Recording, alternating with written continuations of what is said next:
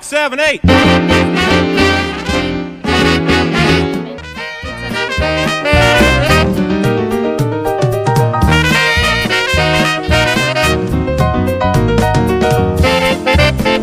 Ets aquells que els apassiona el teatre? Ets els que pensa que la vida és puro teatro? Ets els qui fa teatre per fer riure la seva filla?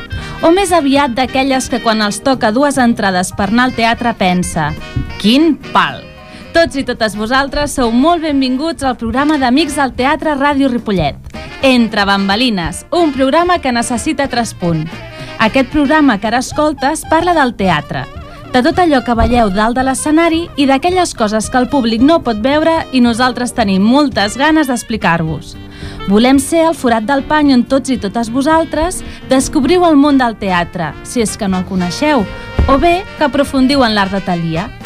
Com tota bona obra teatral, el programa està farcit de personatges que aniran apareixent a escena i faran el seu paper a través de les zones radiofòniques. I jo mateixa, la Traspunt, la persona que entra bambalines, que ningú veu, però que fa que tot rutlli, us acompanyarà en aquesta hora de ràdio teatral.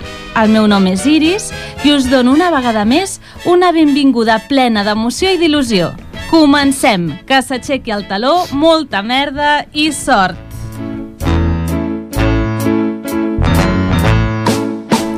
El passat 12 de març ens va deixar l'Agnès Canals i Ribatallada. Eh, L'Agnès va ser una actriu d'Amics al Teatre i des d'aquí, des d'Entre Bambalines, eh, volíem donar-li un gràcies molt gran per tot el que va donar, ens va donar la nostra entitat, per totes les teves grans actuacions. Agnès va ser una gran actriu i una, gran, i una millor persona. Amics del Teatre et durem sempre al cor i et recordarem, intentarem eh, tenir-te present en tot el que ens vas ensenyar, tant dalt com baix de l'escenari.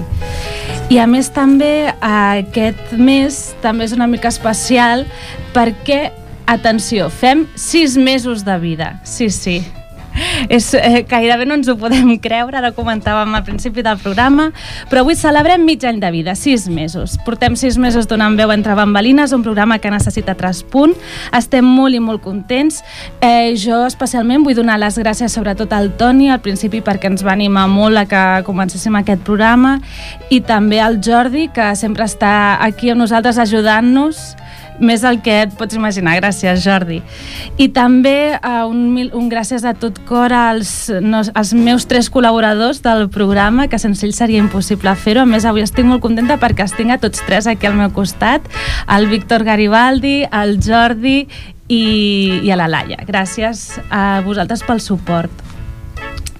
I si us sembla, doncs passem a, us explico quin és el repartiment d'avui. El repartiment és un repartiment una mica més extens, perquè um, a part de les persones habituals, que us comentava que ja estan aquí, tenim a la Mònica Dengra, amb la que mm, parlarem sobre el Vimbodí versus Praga. Com és la propera estrena, que a més és aquest cap de setmana, doncs tenim ganes d'explicar-vos bé de què va aquesta obra, tot i que ja l'hem anat comentant en els anteriors programes. I finalment, eh, abans de passar la tertúlia, us volia explicar a tots els que ens escolteu que suposo que ja us haureu adonat en aquests últims sis mesos de que jo tinc com a norma personal no posar música que no sigui catalana en el programa. Però enguany, eh, donat que el proper mes jo no estaré amb vosaltres fent aquest programa perquè estaré lluny a l'altra banda de l'oceà, me'n vaig però torno, eh? Uh, però el mes vinent no hi seré, doncs volia posar una cançó que, que m'ajuda, m'ajuda i em dona forces per fer el viatge a l'altra banda de l'oceà. to win some or learn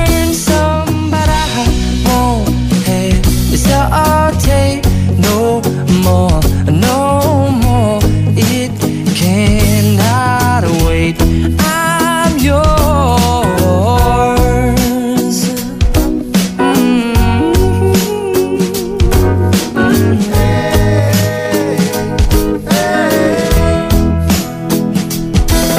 Mm-hmm. Well, open up your mind and see like me.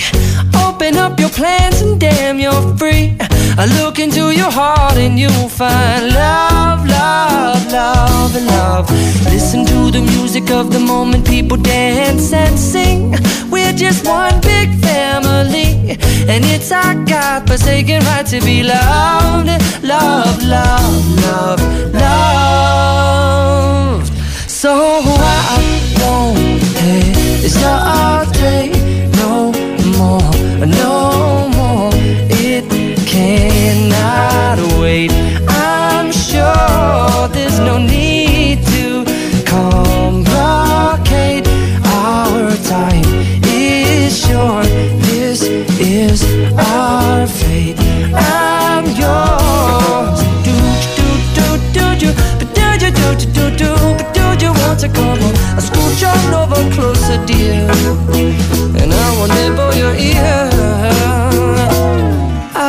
spending way too long checking my tongue in the mirror and bending over backwards just to try to see it clearer. But my breath fogged up the glass, and so I drew a new face and I laughed. I guess what I'll be saying is there ain't no better reason to rid yourself of vanities and just go with the seasons. It's what we aim to do.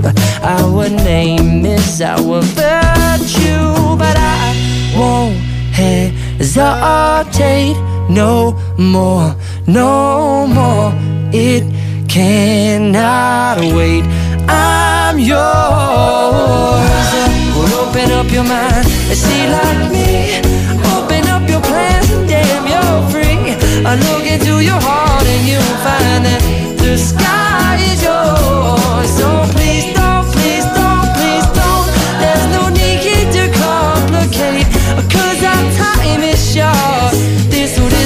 is our fate. I'm yours.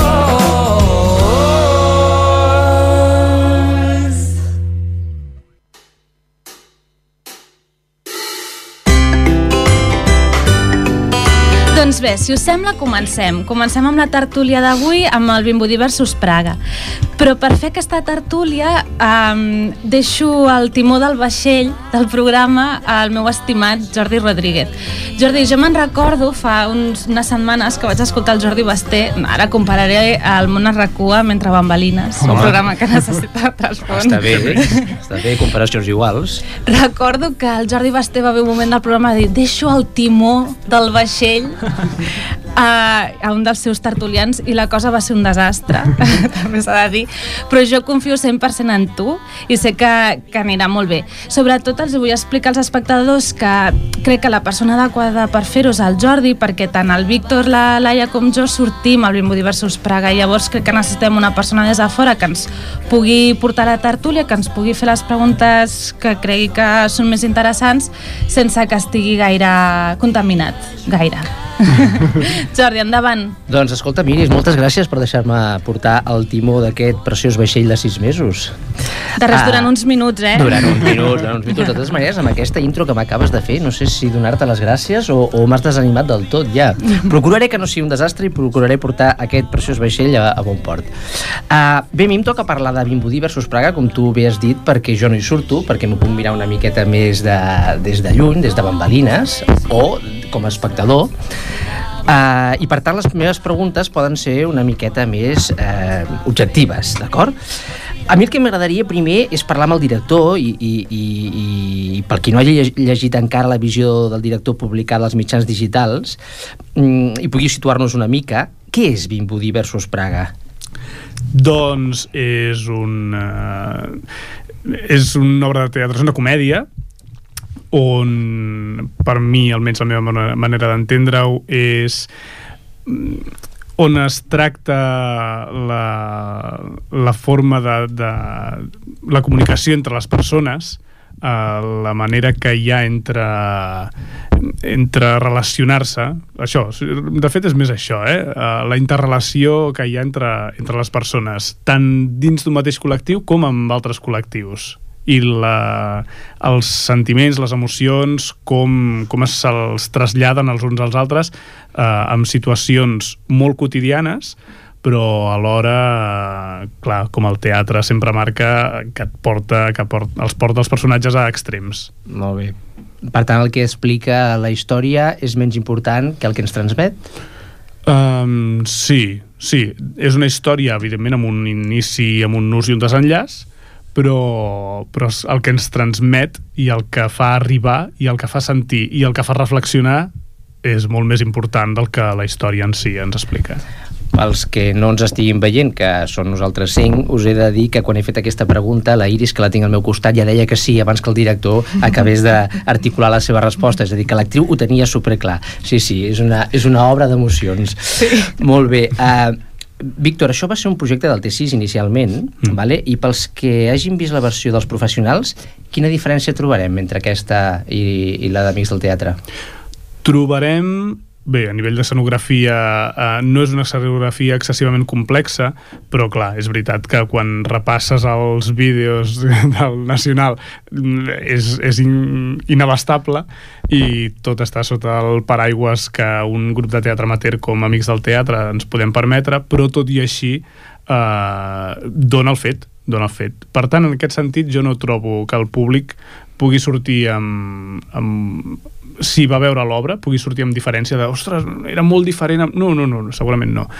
A nivell del, de l'espectacle en si de, de, la, de la posada en escena de la interpretació eh, segur que els personatges tenen tenen eh, caires sensiblement diferents segur perquè és veritat que evidentment sempre tens com a referència allò que has vist i allò que has vist fer-ho tan bé però Bé, eh, nosaltres tenim cadascun dels nostres actors i actrius té les seves dots, els seus recursos, les seves eines i, i és amb, amb aquesta base amb la que hem volgut partir a l'hora de treballar els personatges.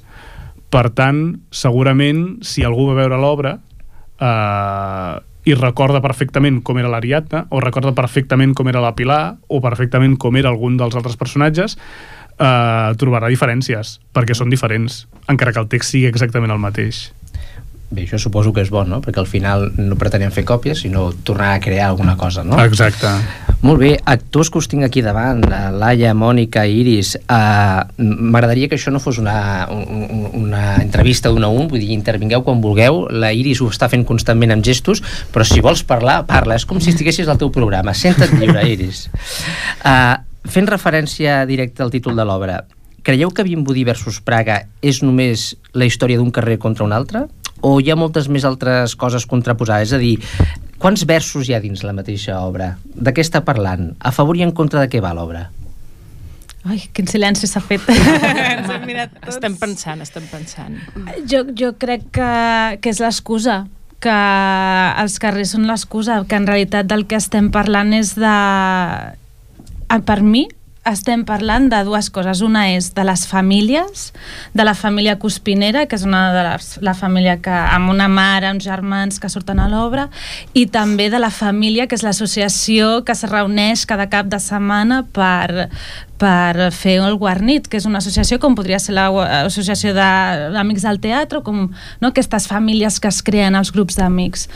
A mi, per una banda, parlem d'això, de les relacions familiars, i per l'altra, del creixement personal. En el meu cas, clar, com jo he hagut de treballar molt a l'Ariadna, del creixement personal que viu l'Ariadna en, eh, al llarg de l'obra que podran veure aquest cap de setmana també parla, jo penso, una miqueta de les misèries no? de les persones a cadascú. Sí, eh? Vull dir, jo penso que també surten aquells trets eh, que tenim, que tots tenim, que bé, en aquell moment, doncs, quan realment eh, hi ha alguna cosa que no ens funciona o que no ens va com voldríem, o que veiem que utilitzant una estratègia que per molt poc ortodoxa que sigui podem arribar a la fi, doncs a vegades doncs, ens aprofitem una miqueta de la situació i això ho fem una miqueta tots no? i això és una mica... Però la Berta més, eh? Clar, jo suposo que és això, que com que la meva, la meva, el meu personatge és la Berta, que és bastant...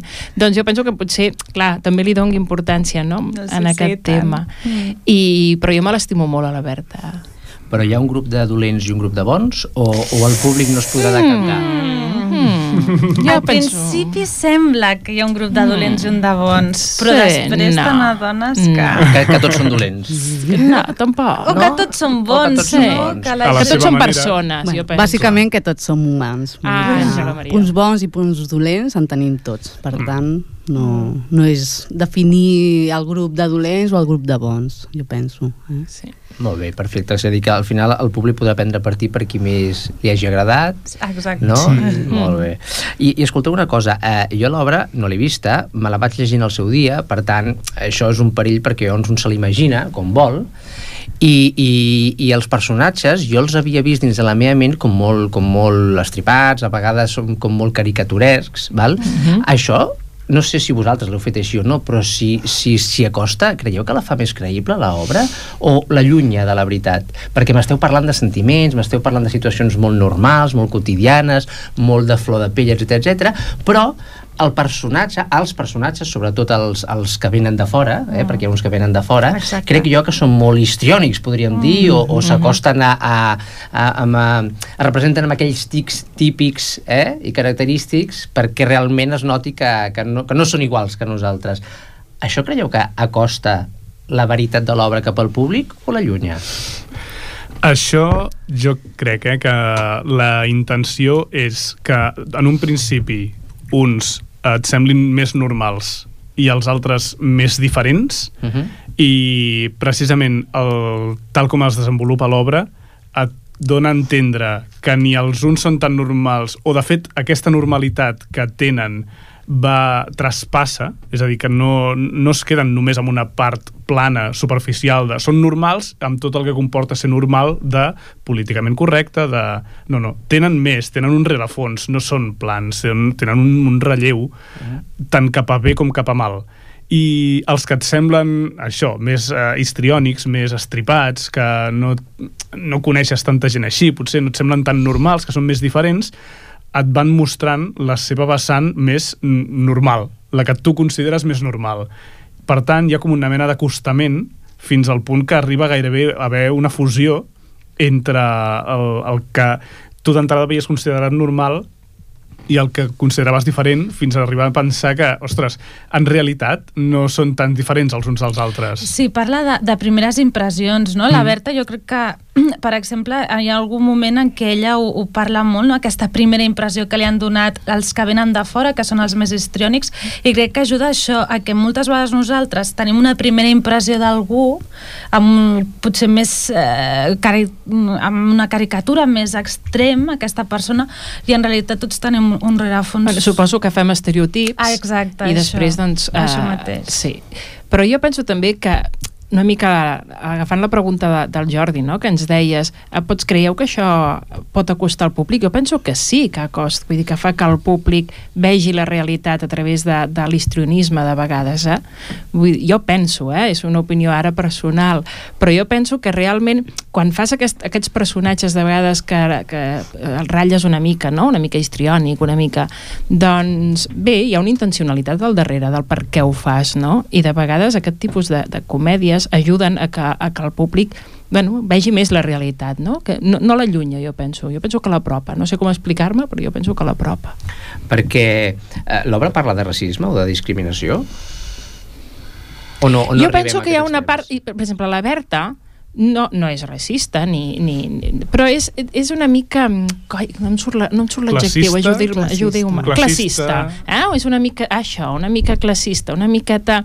Eh? Vull dir que ella es pensa que és d'un tipus doncs, d'èlit eh, social... Eh, no perquè tingui diners, sinó perquè doncs, potser té un nivell cultural X i eh, segons qui vingui i parli malament o digui les coses doncs, però no prou correctes, doncs ja són com una mica no, de, de per sota seu, no? una miqueta.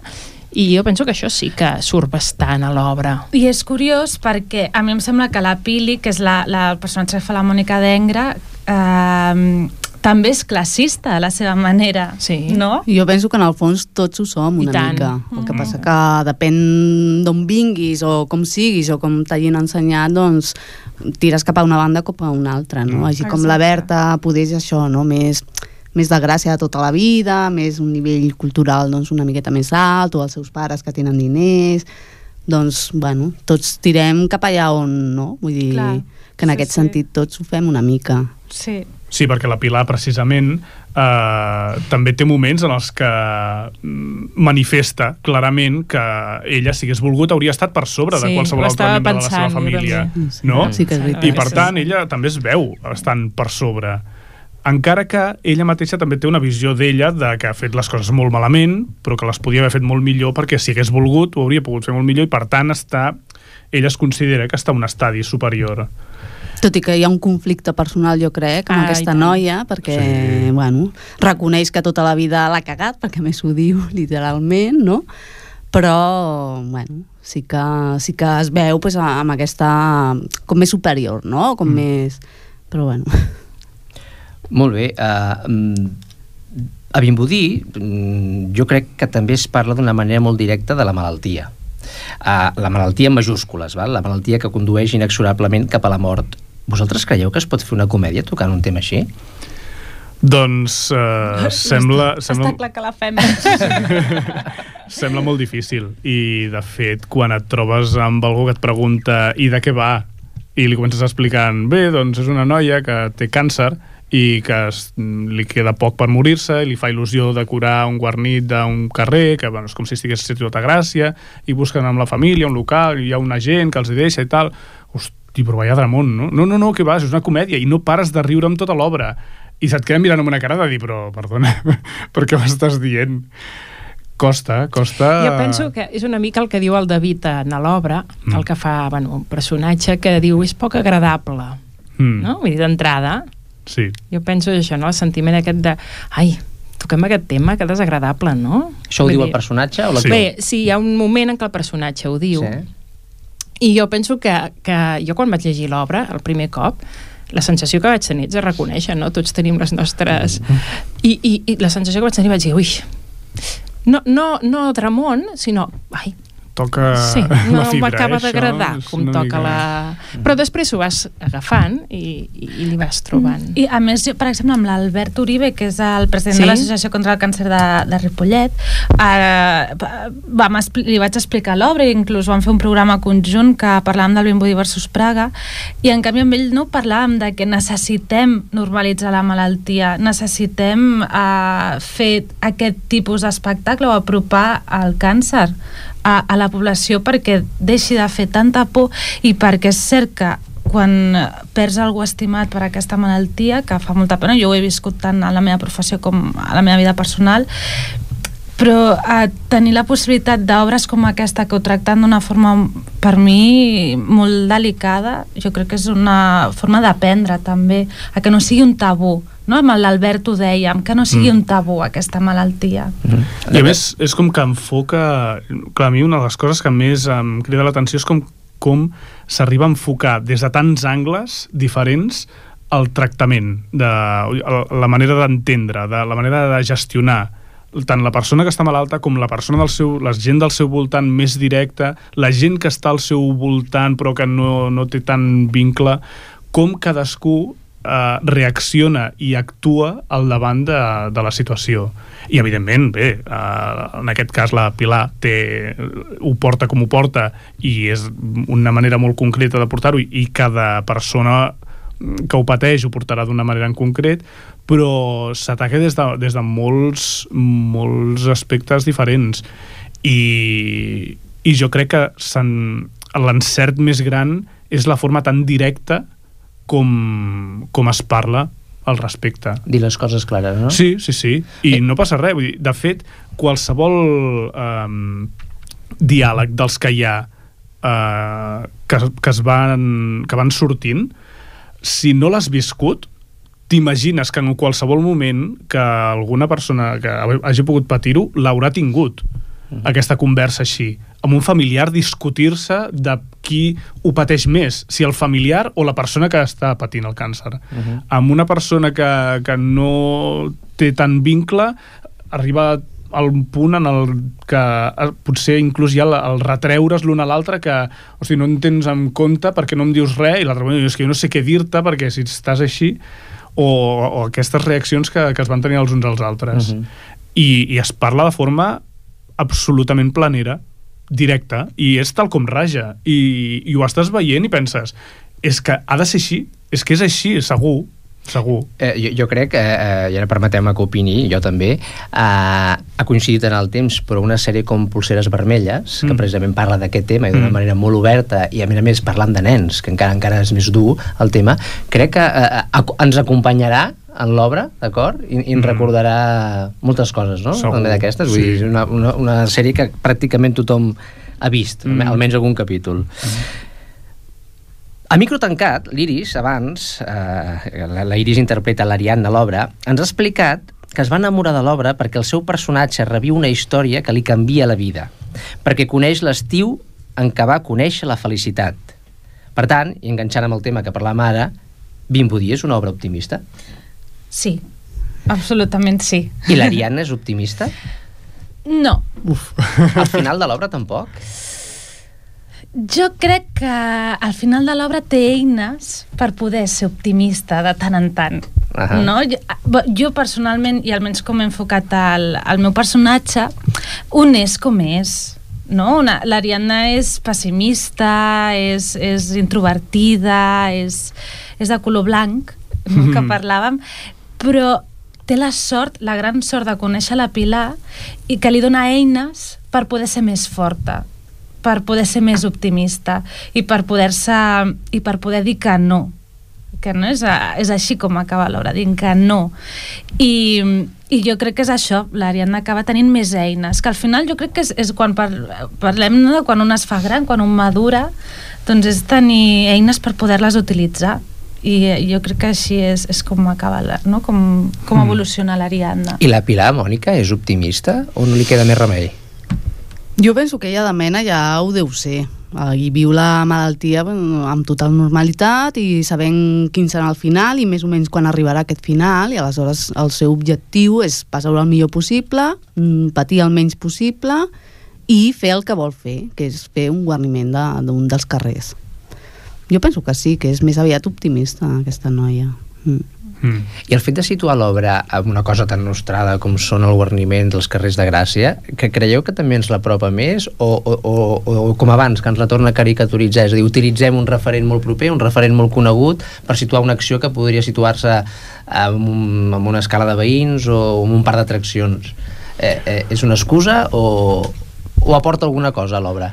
Clar, jo crec que aquí l'autora seria qui ens, ens ajudaria més a, a, a dir-ho. Clar, però jo crec que mm, la, la intenció era precisament el, el trobar un lloc proper, el que um, tothom o gran part de la gent, o vaja, és que m'atreviria a dir que tothom que vindrà al teatre alguna vegada, si no sentit parlar de les festes, hi ha anat, segur Llavors, mmm, jo crec que la intenció era precisament l'ubicar un espai que per tothom fos conegut. I podia ser una escala de veïns, també, que cadascú té la seva escala de veïns. I podia ser eh, qualsevol àmbit on, on hi hagués un col·lectiu de persones.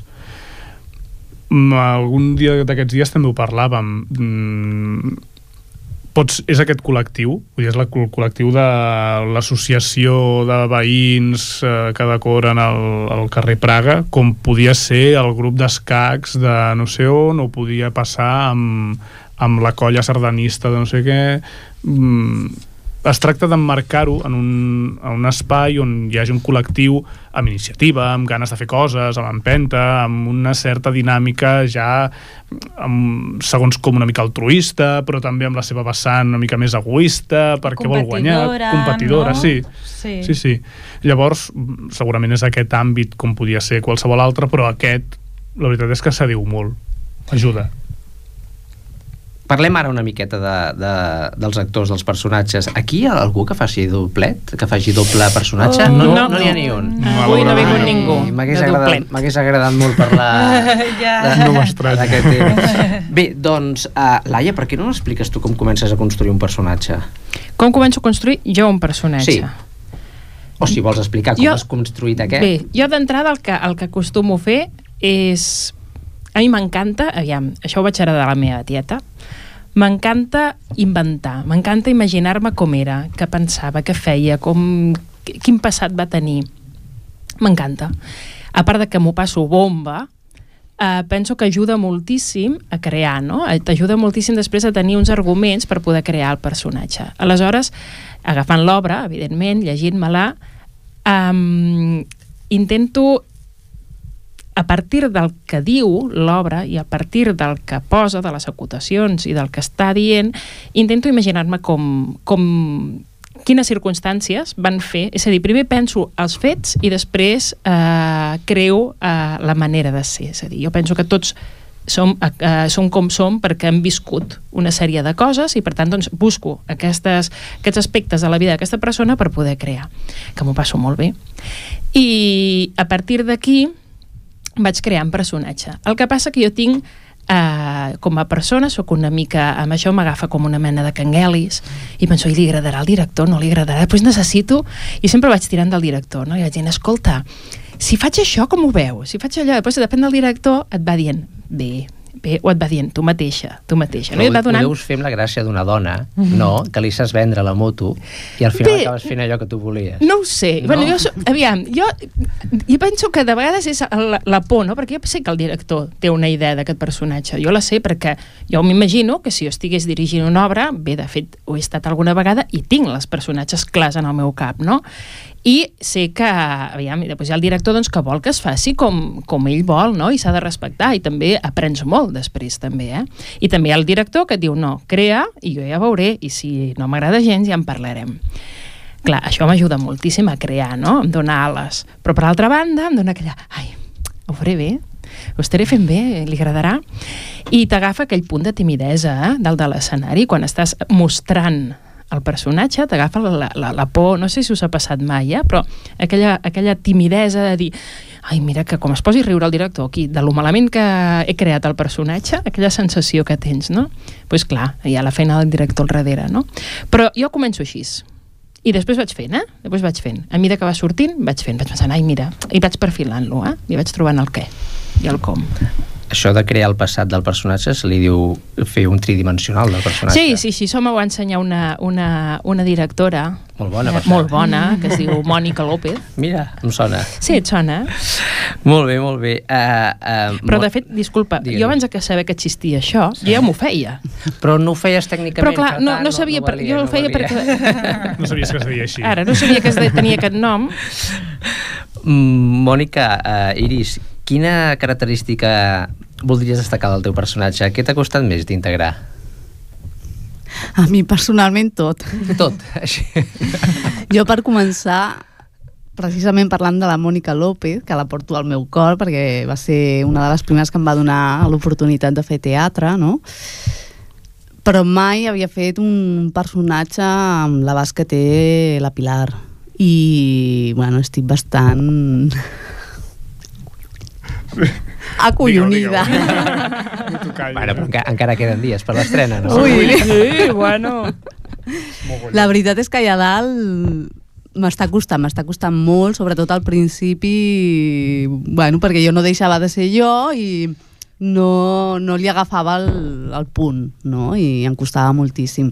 Ara ja sí que estic més, em deixo anar més i ja ho tinc més per la mà i, bueno, sí que, tot i que és tard, trobo, començo a, a agafar ja el, el, el punt no, del personatge i em deixo anar i ja pues, bueno, som més... Ho fas molt bé, Mònica. Més sí, i, Gràcies, i tens, sí. jo penso que, i ara perdoneu, eh, però que potser hauria de dir-ho al Víctor això, però jo penso que tens una quali dues qualitats, de moltes que tens, però dues, Gràcies. que, de, que ets una persona superdisciplinada i supertreballadora. Mm -hmm. I això se't nota dalt de l'escenari? Sí, en general ho soc i... sí. I aquí també. Està molt bé que parlem bé de nosaltres mateixos. Eh, eh, tenim un amic comú que es diu Ramon Calpe, eh, al qual per cert li envio uns records molt especials, que diu que som una colla d'endogàmics, que fem aquest programa només per parlar de nosaltres. Jo li prometo al Ramon, a part dels petons que li envio, que l'any que ve procurarem parlar també d'altres coses, encara que siguin menys importants que no siguin nosaltres. Ho intentaré. Però l'any que ve. Sí, sí, sí, sí, la temporada propera. No, home, perquè aquest any parlem de coses Serioses. que, que valen la pena. Molt bé, escolteu, em penso que em queden només dos minuts i, i he de retornar al meu camarot, vull dir, el capità B i, i em pren el timó. Uh, potser l'última pregunta aniria pel director, mm. i, i m'agradaria que em diguessis ràpidament per què vas triar dirigir aquesta obra i per què hem de venir a veure-la aquest cap de setmana. Mira, aquesta, quan la vaig veure que la van fer, el que deies tu abans, el projecte T6, el Nacional, a mi em va agradar moltíssim. I no he dirigit massa obres fins ara, aquesta em sembla que és la quarta, però totes les obres que estic dirigint me n'adono eh, que són com si fossin una mena de contes. Amb, amb un rerefons, amb una, amb una mural al darrere, amb, amb, una, amb un aspecte allisonador, com si diguéssim, amb, amb un aspecte educatiu, que suposo que s'adiu molt també amb la, amb la meva vessant. I en aquest cas em va agradar molt eh, com això, com es tractava el que dèiem abans, de, el que, com es tractava el tema d'una mal malaltia com és el càncer, com es tractava l'aspecte de les relacions entre les persones. Vaig sortir d'allà amb la impressió d'haver après coses de, que m'havia empapat de coses, sortia d'allà pensant, reflexionant durant dies i, i crec que és precisament el que, el que hem buscat i el que pretenem d'aquest espectacle. Per una banda, evidentment, que es diverteixi molt al públic, perquè és una comèdia, i és una comèdia que més fa riure molt malgrat el que dèiem, dels temes que tracta, de, del, dels aspectes que hi ha, però és veritat, rius molt i com que moltes vegades això ens ho hem de sentir dir els que fem teatre amateur, que és que el que heu de fer són coses que riguem molt perquè prou desgràcies tenim a la vida i prou dolenta és la crisi, no sé què, com almenys si anem al teatre que podem riure. Doncs aquí es riu. Però, però també fa pensar i jo crec que són els dos grans arguments que, que podem que podem amb, amb els que ens podem agafar per vendre l'espectacle. Doncs escolta, estaré allà a primera fila i me n'entorno immediatament cap a casa a veure els meus estimadets Nil i Bruna, als quals envio un petó perquè segurament m'estaran escoltant i, malgrat tot, faig gala de la meva endogàmia també, ho sento. Moltes gràcies, Jordi.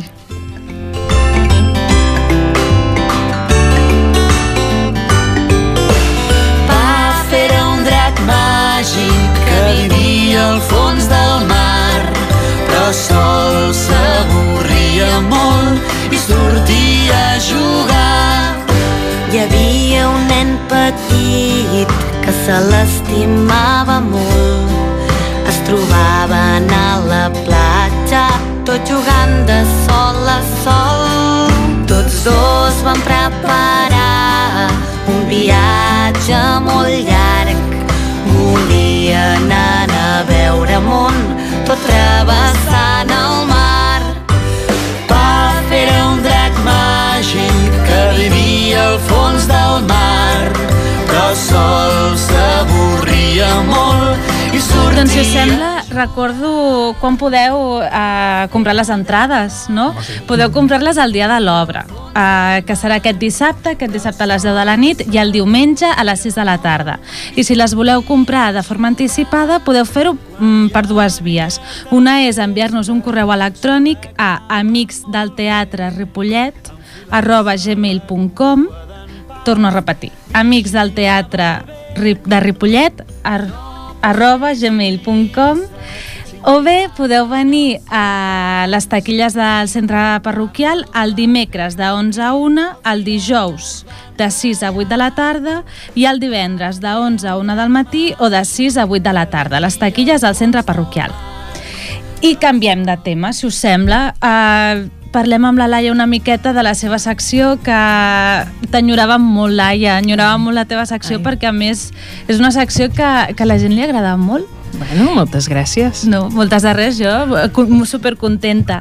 A més, um, aquest mes eh, parlarem de la regulació de les emocions. Sí, sí que sí? Sí, parlarem de... Eh, ja, ja tanquem una miqueta el tema més emocional i tot, i el mes que ve ja passarem a un altre tema per no fer-nos allò pesadets, no? Però jo penso que sí que calia tancar una mica amb el tema de les emocions, amb el tema emocional. Eh, vivim en una, una societat que sovint ens cal amagar aspectes, eh, emocions, perquè en segons quina situació. Um, de vegades sí que tenim una, molta, tenim una persona al davant que ens ha fet enfadar moltíssim en, i, i tenim unes ganes de, de, de, de, de, de, de dir-li qualsevol cosa i ens retenim i ens aguantem perquè ens queda altra, no? Uh, bé, és el preu que hem de pagar per viure en una societat, evidentment. Però per l'altra banda, eh, jo penso que, clar, també és bo que hàgim d'aguantar-nos, no?, i que hàgim de, de, de contenir-nos, perquè, eh, bé, no hem de ser, les emocions no han de ser mestresses de nosaltres, sinó que nosaltres hem de ser mestresses i amos de les nostres emocions. Que difícil, Laia. Que difícil, que difícil. que difícil. Eh? Vull dir, ara anàvem dient coses de l'obra de Vimbodí, anava sí. pensant, ostres, és que realment... Sí. Eh? Aleshores, quin, gran, quin gran exercici de quin control gran exercici. d'emocions, de, realment. Quin gran exercici, sí.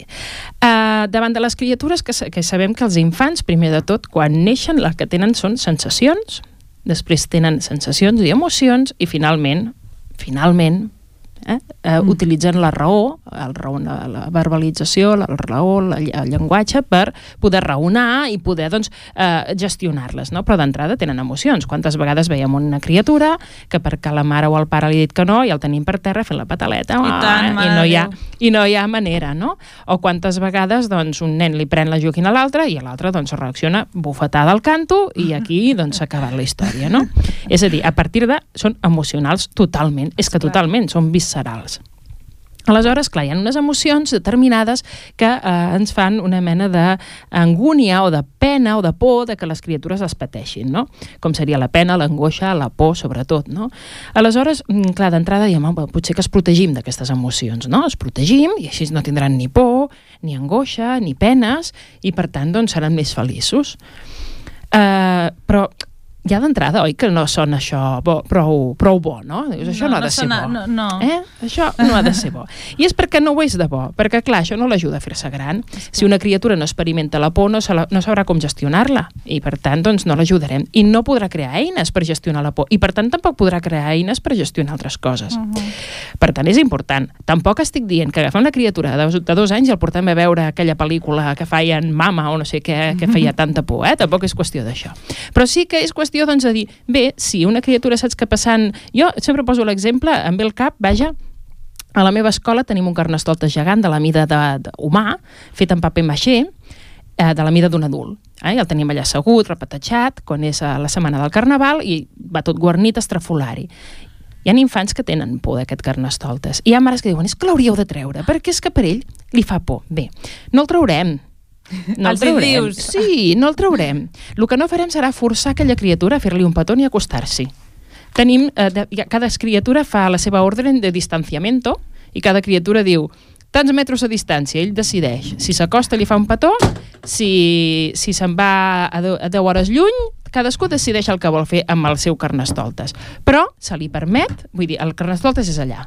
Uh -huh. I, per tant, ell va gestionant. I està allà perquè la por hi és. La por existeix en el món. És molt interessant, eh, això que dius, Laia, perquè és que és cert que els pares eh, tendeixen a protegir... I tornem a parlar, és que sembla que és una cosa que, que sí. surt tot sovint. Surt. Sobreprotegim els, els nostres... nostres fills. Sí, senyora. I sempre sortir. Aquesta paraula, i la paraula límits, acostuma a sortir bastant. Sobreprotegim. I, i clar, és que la por hi és i la por la tindrem a la vida. Esclar. Perquè mm, segur que la, la Pilar de, de l'obra de, de Bimbudí segur que té por, eh? Segur. Segur que té por, malgrat que és molt valenta. Per tant, la por hi és, la por existeix. I, per tant, no podem evitar eh, que si el nen comença de petit a tenir aquelles petites pors, aprendrà a gestionar-les.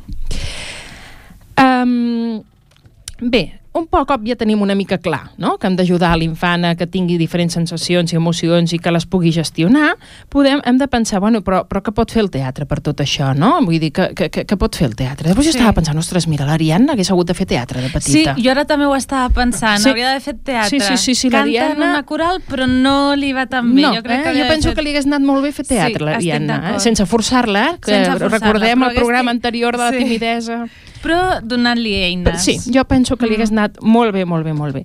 I què pot fer el teatre? Doncs jo penso que d'entrada, sí, hem d'ajudar la criatura a regular les emocions, allò que dèiem, la corregulació, sí. l'emoció... Però primer de tot, havia primer les hem de conèixer, no? Jo penso que quan fem teatre amb els petits, amb els més petits, allò que fem per instint ja, que diem, mira, aquest personatge està enfadat, Sí. Què sent quan està enfadat? Què sents tu quan estàs enfadat? Per poder fer el personatge, què sents tu? Mm. Estem verbalitzant. Estan verbalitzant el que l'infant poder en sa vida havia verbalitzat. Eh? Vull dir, a vegades una criatura està enfadada i poques persones, eh, que hauríem de fer-ho més sovint, verbalitzem el que li està passant. Per molt menut que sigui l'infant, li hem de dir, estàs trist perquè la mare ha marxat o, o, o estàs enfadat perquè t'han pres la joguina. Verbalitzar el que està patint o està sentint un infant l'ajuda moltíssim amb ell. Per tant, si en el teatre ho fem de forma instintiva, imagineu-vos quina aula de reforç més bèstia que és el teatre. Eh? Vull dir, mm. perquè li estem dient constantment a l'infant que vagi pensant com se sent ell en, determinat, en, ter, en determinades situacions. Per tant, jo penso que, escoltar, que si aconseguim que durant la infantesa i adolescència vagi coneguent les emocions, ja la regularà. I tant, i coneixent-se sí, a ell mateix amb les seves emocions, és, que... és, és importantíssim. Bé, jo crec que això estem fent-ho tota la vida, ens estem aprenent sí. a conèixer tota la vida, però, però sí que realment jo penso que és, hem de partir d'aquí. No podem ajudar un infant a regular-les, a que sí, les reguli, si, si no, les, les coneix. Mentre està coneixent, l'ajudarem, no? nosaltres, no? verbalitzant-ho, dient-ho, però en el teatre és que és ideal. I, i vosaltres, que ara tinc el Víctor i l'Airis al davant, que heu sigut directors d'infantil i també, doncs, segur que ho fèieu també. Què sents quan et passa això tu? Perquè ella pugui, Clar. aquella criatura pugui fer el personatge, no? Clar. Perquè tingui eines. O imagina't quan a la mare t'està dient no sé què, no? És com... Sí, sí. Sí, és, i llavors, és clar, estàs, estàs ajudant aquell infant a treure de dintre d'ell Esclar a, a, les, a, les, a, a, bueno, a, a intentar entendre què està sentint. Imagineu-vos, difícil, Això és eh? dificilíssim, però és importantíssim se li està demanant, ara, se li està demanant molt, eh, que quan fem teatre, vull dir, som exigents, eh, sí. quan demanem això. Però jo penso que això li pot ajudar molt bé, molt bé, molt. molt. Doncs, Laia, moltíssimes gràcies de per...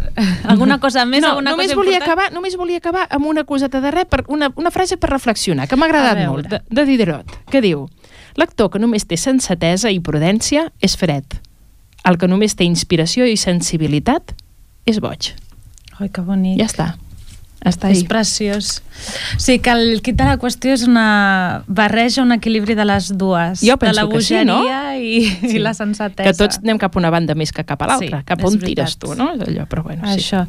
Doncs, Laia, moltíssimes gràcies. A vosaltres. Um, ens veiem... Bueno, no, us anava a dir, ens veiem en el, en el proper programa, però jo no us veuré perquè jo, com deia al principi de, de programa, jo estaré un pèl lluny. De totes formes, a tots els nostres oients us deixo en bones mans perquè els nostres eh, col·laboradors sí que seguiran i algú li deixaré les claus, aquesta vegada no és el timó durant una estona, les claus del vaixell perquè l'obri i el porti durant una hora. Jo us trobaré molt a faltar, molt, molt, molt, però, però bé, mi ens veiem al juny, ens tornem a escoltar al juny. Escolteu, torno a, re, a, a recordar, no?, com comprar les entrades pel Bimbo Diversos Praga, us sembla? I tant. Mireu, podeu fer-ho o ve, venint a les taquilles del teatre del centre parroquial el dimecres, aquest dimecres, és a dir, demà, de 11 a 1, el dijous de 6 a 8 de la tarda o el divendres d'11 a 1 o de 6 a 8 de la tarda. Allà ens trobareu i podreu comprar les vostres entrades. Si no podeu venir, doncs eh, podeu enviar-nos un correu electrònic a amics del teatre Ripollet arroba gmail.com amics del teatre Ripollet arroba gmail.com abans d'acabar, eh, voldria agrair a tots vosaltres que ens escolteu i que ens heu acompanyat en el sisè programa d'Entre Bambalines, un programa que necessita traspunt. Un cop més, ha estat genial i un petó molt i molt especial a la nostra estimadíssima off, a la Mònica López. Gràcies per fer-ho possible, un petó molt gran i fins aviat. Que disfruteu molt i molt del teatre i ens veiem aquest cap de setmana, dissabte a les 10 de la nit i diumenge a les 6 de la tarda amb Bimbo Diversos Praga.